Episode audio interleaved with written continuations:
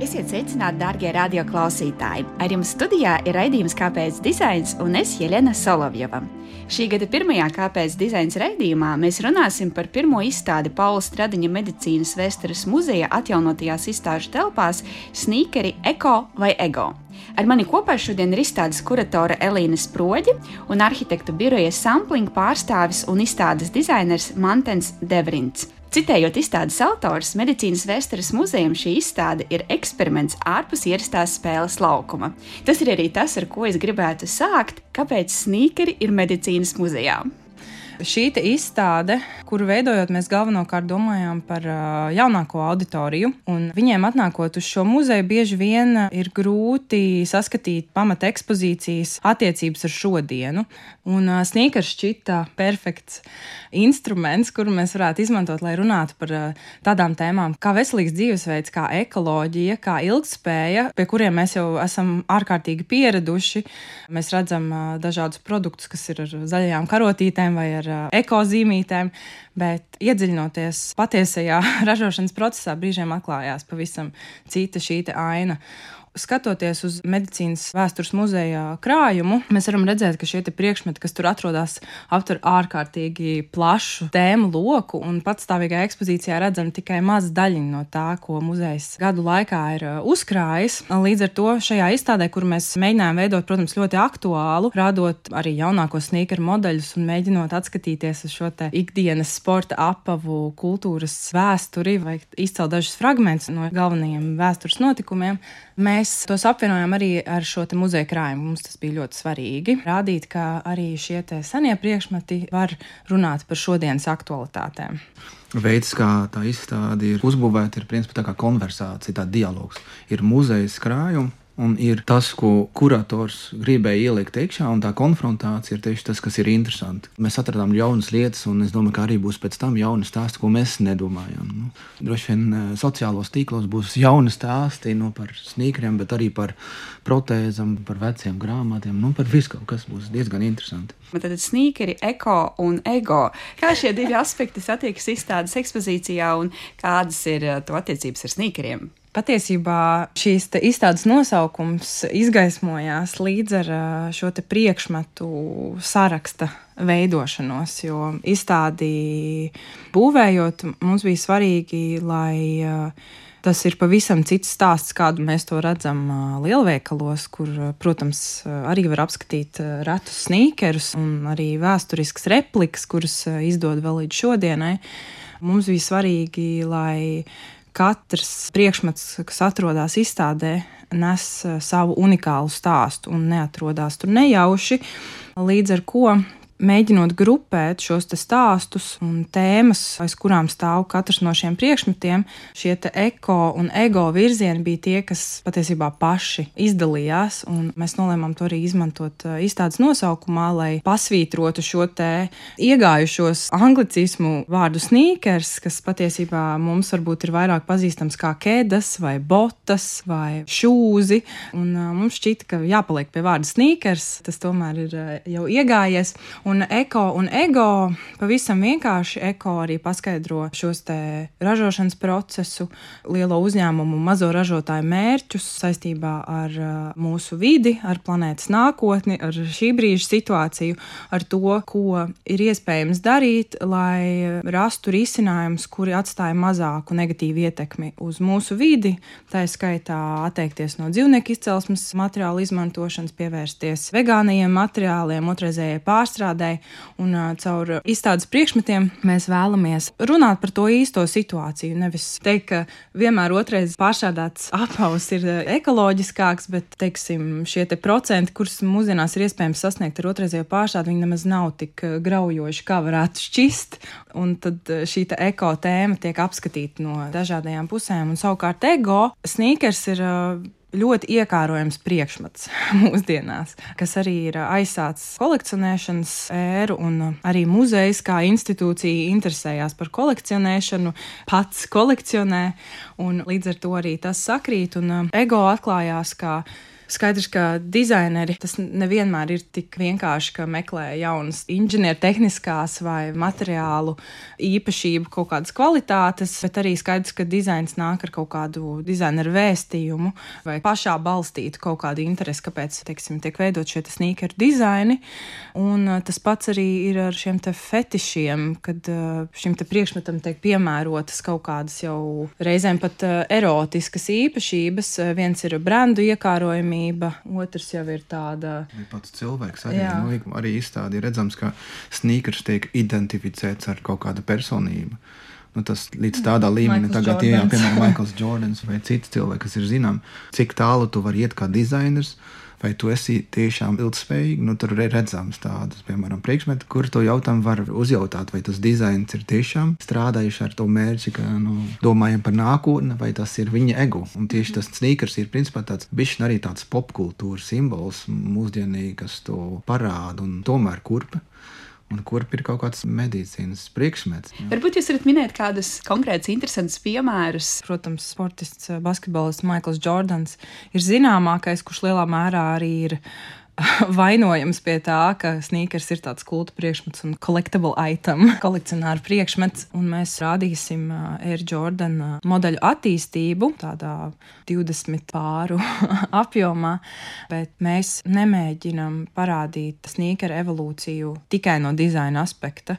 Mēs gribam izstāstīt šo stāstu par katru no šiem pāriem, kas ir redzami izstādē, viņu kaut kādā ziņā personificējot ar kaut kādu vēstures notikumu vai kādu konkrētu cilvēku. Teiksim, mums ir Japāņu dizainers, kurš darbojās zem zīmola Aliveform un veido 3D printētus apavus. Un, uh, viņam ir bijis ārkārtīgi būtiski, lai šis produkts ir futuristisks, lai viņš ir ilgspējīgs. Un tāds ir arī tā iepakojums. Ņemot vērā, ka šie sūtījumi nonāk daudz vietā pasaulē un tiek sūtīti no Japānas, viņš lielu savu dizaineru ieguldījumu ir sniedzis sēņu micēlī, veidotam kurpju kastei patiesībā, kuru saņemot un atpakojot svaigi saņemtos apavus, var vienkārši nolikt pagalmā, dārzā, mežā, un tas sadalās pāris nedēļu laikā, neatstājot šo ekoloģisko tādu nospiedumu. Apavu industrijas tehnoloģi panākuši iespēju snīkeram būt ilgspējīgam un ekoloģiskam ļoti lielā mērā, bet tie, kas nav gatavi to pieņemt, nu, mēs, patērētāji, mēs neesam gatavi staigāt ar vieniem apaviem, un ražotāji nav gatavi izlaist vienu eh, modeli, piemēram, gadā. Viņi nav gatavi tam. Mēs redzam, ka katru dienu iznāk jauni sīkeri. Nerunājot vispār par apavu industriju, tas ir uh, miljardu apjomos. Domājot vispār par cilvēku skaitu uz planētas un uh, domājot par cilvēku skaitu, kuri vispār nesā apavus uz planētas, tas apjoms ir milzīgs.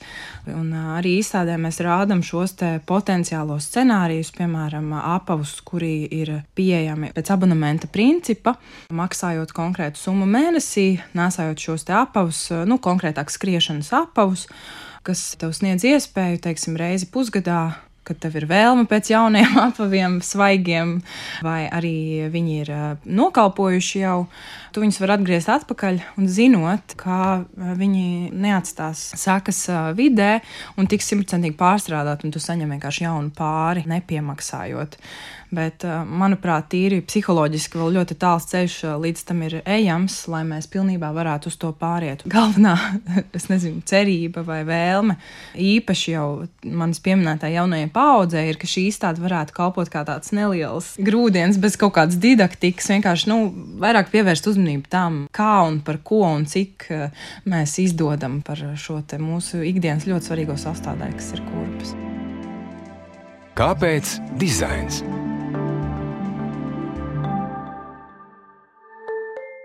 Kas, sakiet, jūs pašus pārsteidza, intriģēja vai ieinteresēja no izstādes eksponātiem vai izstādes stāstiem, veidojot šo ekspozīciju? Pirmā lieta, kas man nāk prātā, ir, ka Rīgā šķiet, ka viss staigā stilīgās kurpēs. Un bērniem skolā jau ir uh, krūtākie sīkeri, un arī seniori jau staigā nu balans tur uh, bez reklāmas apavos. Un šī industrija ir ļoti aktīva, bet mēģinot piefiksēt tādus momentus, kur tā kaislība vai interese par modi un, teiksim, hip hop kultūru vai tam līdzīgi, kur ir tā robeža, kur tas pārtop kolekcionēšanā. Es sastapos vienkārši ar to, ka nu, tāda kolekcionēšanas kultūra mums patiesībā Latvijā īsti nepastāv. Un redzot, kā tas notiek pasaulē, teiksim, Mantens arī minēja, ka kolekcionāriem lielākoties arī tie, šiem reselleriem, pēc pārdevējiem, kas meklē, cenšas pareģot gaidāmos trendus un cenu pieaugumu. Viņi pērk apavus, nogaida pāris gadus un tad pēcpārdod šos sneakerus. Tas mūžs pēdiņās, ko tad tāds sneakers var pavadīt kastē, ir mērāms vien pāris desmit gadu ilgā laika posmā, jo šie materiāli, no kuriem sākot no 80. Gadiem sneakeri tiek veidot, nu, viņi tā dramatiski jau nav mainījušies. Tagad tikai šī ekoloģiskā sadaļa ir pievienojusies. Tad divi kolekcionāri, kurus mēs izceļam, kas mums šķita svarīgi. Parādīt, ka Latvijā tomēr arī ir kāds, kas kolekcionē sneakerus. Un viens no tiem, protams, ir reperis Ozols, Girts Rozentāls, kurš arī uh, var iedot to pirmsākumu sajūtu. Jaunāks paudzes kolekcionārs Emīls Liepiņš, kurš savukārt ir viņa kolekcijas pamatā ir doma, ka kādreiz viņa bērni varēs teikt, o, oh, wow, tētim gan ir saglabājušās rītīgi stilīgi sīkeri. Tur ir kaut kāds tāds sentiments tajā, un katrs no viņu kolekcijas apavu pāriem nes kaut kādu atmiņu par laiku, kad tas iegādāts vai iemeslu, kādēļ tas iegādāts. Kāpēc tā sīkā izstāde ir svarīga Rīgā? Tomēr tā Rīga ir tā vieta starp divām kultūrām, un, un reperis Ozols nevarēja kaut kā gribēja tas dabūt no Amerikas, no tā kapitālisma, no tā kultūra, kas tur ir klāta, principā tā naudas kultūra, repera kultūra.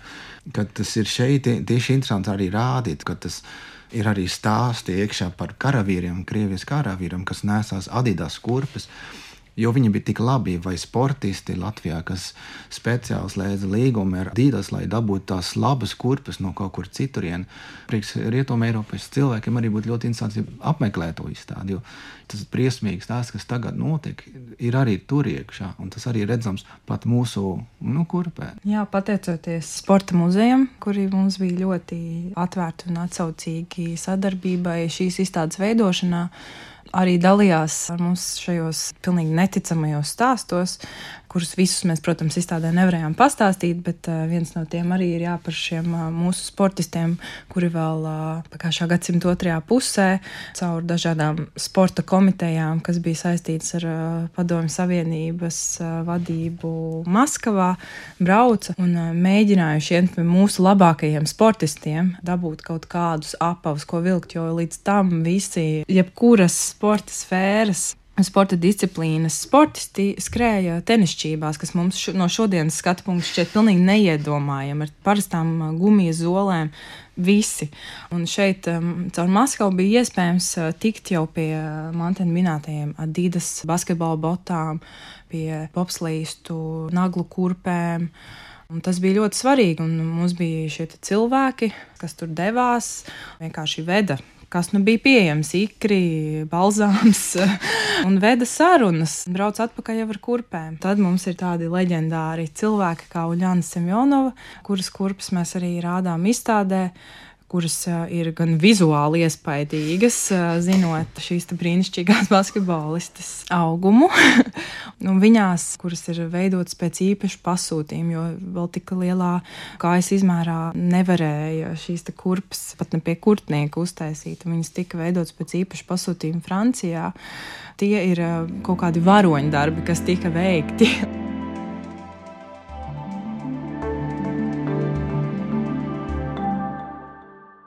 Ja mēs runājam par ekspozīcijas dizainu, kas jums bija svarīgi, uz ko jūs fokusējāties, kā tapa šis dizains? Pats sākums stāsts, ka tas notiek muzejā, medicīnas muzejā. Viens no tiem dizaina elementiem, ko mēs izmantojam, ir tā aizskara. Aizskats, kas ir zināms medicīnā vide, nu, tas ir tas, aiz kur kaut kas notiek. Mēs principā to stāstu turpinājam, tāpēc arī izstāde ir ļoti daudz eh, aizskari. Mēs gribam, lai objekti sāk levitēt, lidot, un kas arī būs redzams, ka, piemēram, mēs grupējam pat tekstus. Nebūs tā, ka pie katra objekta ir teksts, nu, tad ir numurs, nav numuri klāt. Tā, tā brīvība, ka tu redz vispirms, tu redz to mākoni, un pēc tam tu iedzilini tajā mākoņā, nu, tā, tas grupējums, un tu sāk veidot nu, tu sāki saprast to stāstu, ko kurators grib pateikt, bet gan arī, kas tas dizains grib pateikt, un ko tu pats gribi saprast no tā visa. Tur nav tā kā sākums un beigas. Pa vidu varētu būt sākums tev, pie paša sākuma varētu būt sākums, vai beigas varētu būt sākums. Tā, tā, tas mērķis ir, lai apmeklētājs skraida visu laiku cauri, lai jā, sāk domāt, varbūt ilgāk un vairāk reizes atnāks atpakaļ, nu, lai saprastu kaut kādu stāstu. Tas, kas ir ļoti svarīgi, Un ko mēs, kā sampling birojas, vienmēr gribam darīt, ir strādāt kopā ar visu komandu, ar kuratoriem, ar grafisku dizaineriem. Viens no interesantākajām lietām ir tas, ko mēs kopā darām. Mēs ļoti daudz mācījām no tā procesa, kas jau varbūt tagad ir redzams presē, ir tā fluo krāsa. Krāsa palete ir gan kaut kur beigās, viņa arī grūti dabūnams Latvijā. Nu, tas ir kā marķēšanas krāsa, un tā krāsa kaut kā savieno visu kopā un kaut kādā veidā arī uzaicina Mēs, protams, domājam arī, ka jauniešiem patīk to krāsu. Nu, viņš nav tik agresīvs. Tā izstāde ir diezgan mierīga, tā izstāde ir diezgan tīra. Nav nekādas agresivitātes, nav nekāds grafiti, nav nekāds street art. Diezgan, man izpratne, moderni, bet tomēr izmantot to fluo krāsu kā galvenā tēma. Ir arī mākslinieki, arī fotografi, kas piedalās. Mums liekas ļoti svarīgi, piemēram, pat runāt ar, ar fotografu. Reinis Hofmanis, fotografs dara kaut ko, mēs kaut ko sakām, kad mēs varam viņu rādīt. Šādā veidā mūsu ekspozīcija, tajā pozīcijā, vai pat arī citi saka, ka jābūt tāds augstums, piemēram, tāda konfrontācija, jābūt tāds priekšmets klāt. Un tad pamazām viss to telpu veidojas, tā, tagad tas ir dabiski. Tas viss ir uh, izskatās, bet tas ļoti interesanti, kā tu nāc pie tā procesa. Un arī muzeja direktors ļoti daudz iemācīja no tā sadarbības. Arī tas, diemžēl, vēl nav parastā praksa Latvijā. Vēl viena pēdējo lietu gribēju jautāt par piesaistītajiem māksliniekiem un ekspertiem, jo šī ir izstāde, kas pulcē vienopus arī gana daudz startautiski pazīstamus latviešu profesionāļus no dažādām pasaules malām. Varbūt jūs varat dažus pieminēt un izstāstīt, kāpēc tas bija svarīgi viņus piesaistīt. Jā, pirmkārt, domājot par kolekcionāriem un dizaineriem Latvijā, tieši apavu kultūrā, es sākotnēji atminējos, ka vēl manos studiju laikos man ir bijuši skolas biedri, kuriem interesēja apavi. Mums arī Latvijā ir vairāk dizaineri, kas darbojas šobrīd, kuriem interesē teiksim, šī te kurpniecība, kas varbūt tik ļoti neatbilst tam, ko mēs šajā izstādē gribējām parādīt. Bet uh, mums izdevās uzrunāt un, un iesaistīt šajā projektā divus latviešu dizainerus, kuriem ir pietiekami plaša starptautiska pieredze un arī atpazīstamība. Uh, viens no tiem ir Jānis Šnē, kurš ir arī mūsu Mākslas akadēmijas modes dizaina nozari absolvējis un pēcāk jau strādājis Eiropā, gan zīmolā Adidas, un nu jau pāris gadus Jānis strādā Nike, un konkrētāk zem Nike šobrīd esošā zīmola RTFKT Studios, kas kā reiz tieši savā darbības sfērā koncentrējās uz metaversu, izstrādājot šīs te ādiņas un NFT sneakerus, eh, kuri arī ir pieejami fiziskā formā. Jānis ir uh, digital design lead uh, šajā uzņēmumā un strādā pie šiem dizainiem. Un pēdējo desmit gadu laikā, paralēli savai teikt, darba uzdevumiem, viņš ir veidojis ārkārtīgi daudz prototipus šim viņa prāta nākotnes apavam. Un šo prototipu tādu kā retrospekciju arī mēs video instalācijas veidā rādīsim izstādē. Mūsu topošajiem dizaineriem varbūt šķiet, ka šie milzīgie rietumu zīmoli, kā Nike un Adidas, teiksim, šajā apavu industrijā, šķiet varbūt kaut kas nesasniedzams, bet mums ir pietiekami daudz tādu piemēru, kad mūsu, jā, mūsu dizaineri strādā šajos lielajos uzņēmumos un strādā augsta līmeņa departamentos vadošos amatos un, un var realizēt savas trakākās ieceres. Manuprāt, tas ir nenormāli forši un par to vajag runāt vairāk. Un tāds ir arī Kristofers Reidzāns, kurš arī nāk no šīs Rīgas dizaina skolas.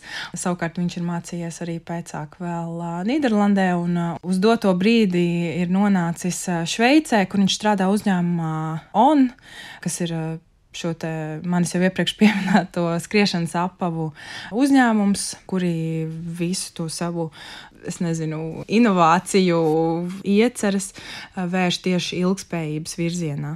Un Kristofers tieši strādā šajā inovāciju komandā, meklējot jaunus veidus, kā skriešanas apavus padarīt pēc iespējas eh, augstāku performanci, sniedzošus, bet eh, tāpat laikā arī meklējot veidus, kā radīt visbioloģiskāko plastmasu, kas tiek izmantota zolas un pārējās kurpes daļas veidošanā. Un Kristofers izstādēja izstrādāja radošo darbnīcu, jeb workshop telpu, kurā viņš izmanto savas zināšanas, kuras viņš ir guvis tieši esot saskarē ar reālo šo ražošanas industriju. Viņš pavadījis daudz laika Vietnamā, Ķīnā, šajās rūpnīcās, un viņš zina kurpi no vismazākās detaļas, tā teikt, visu no galvas.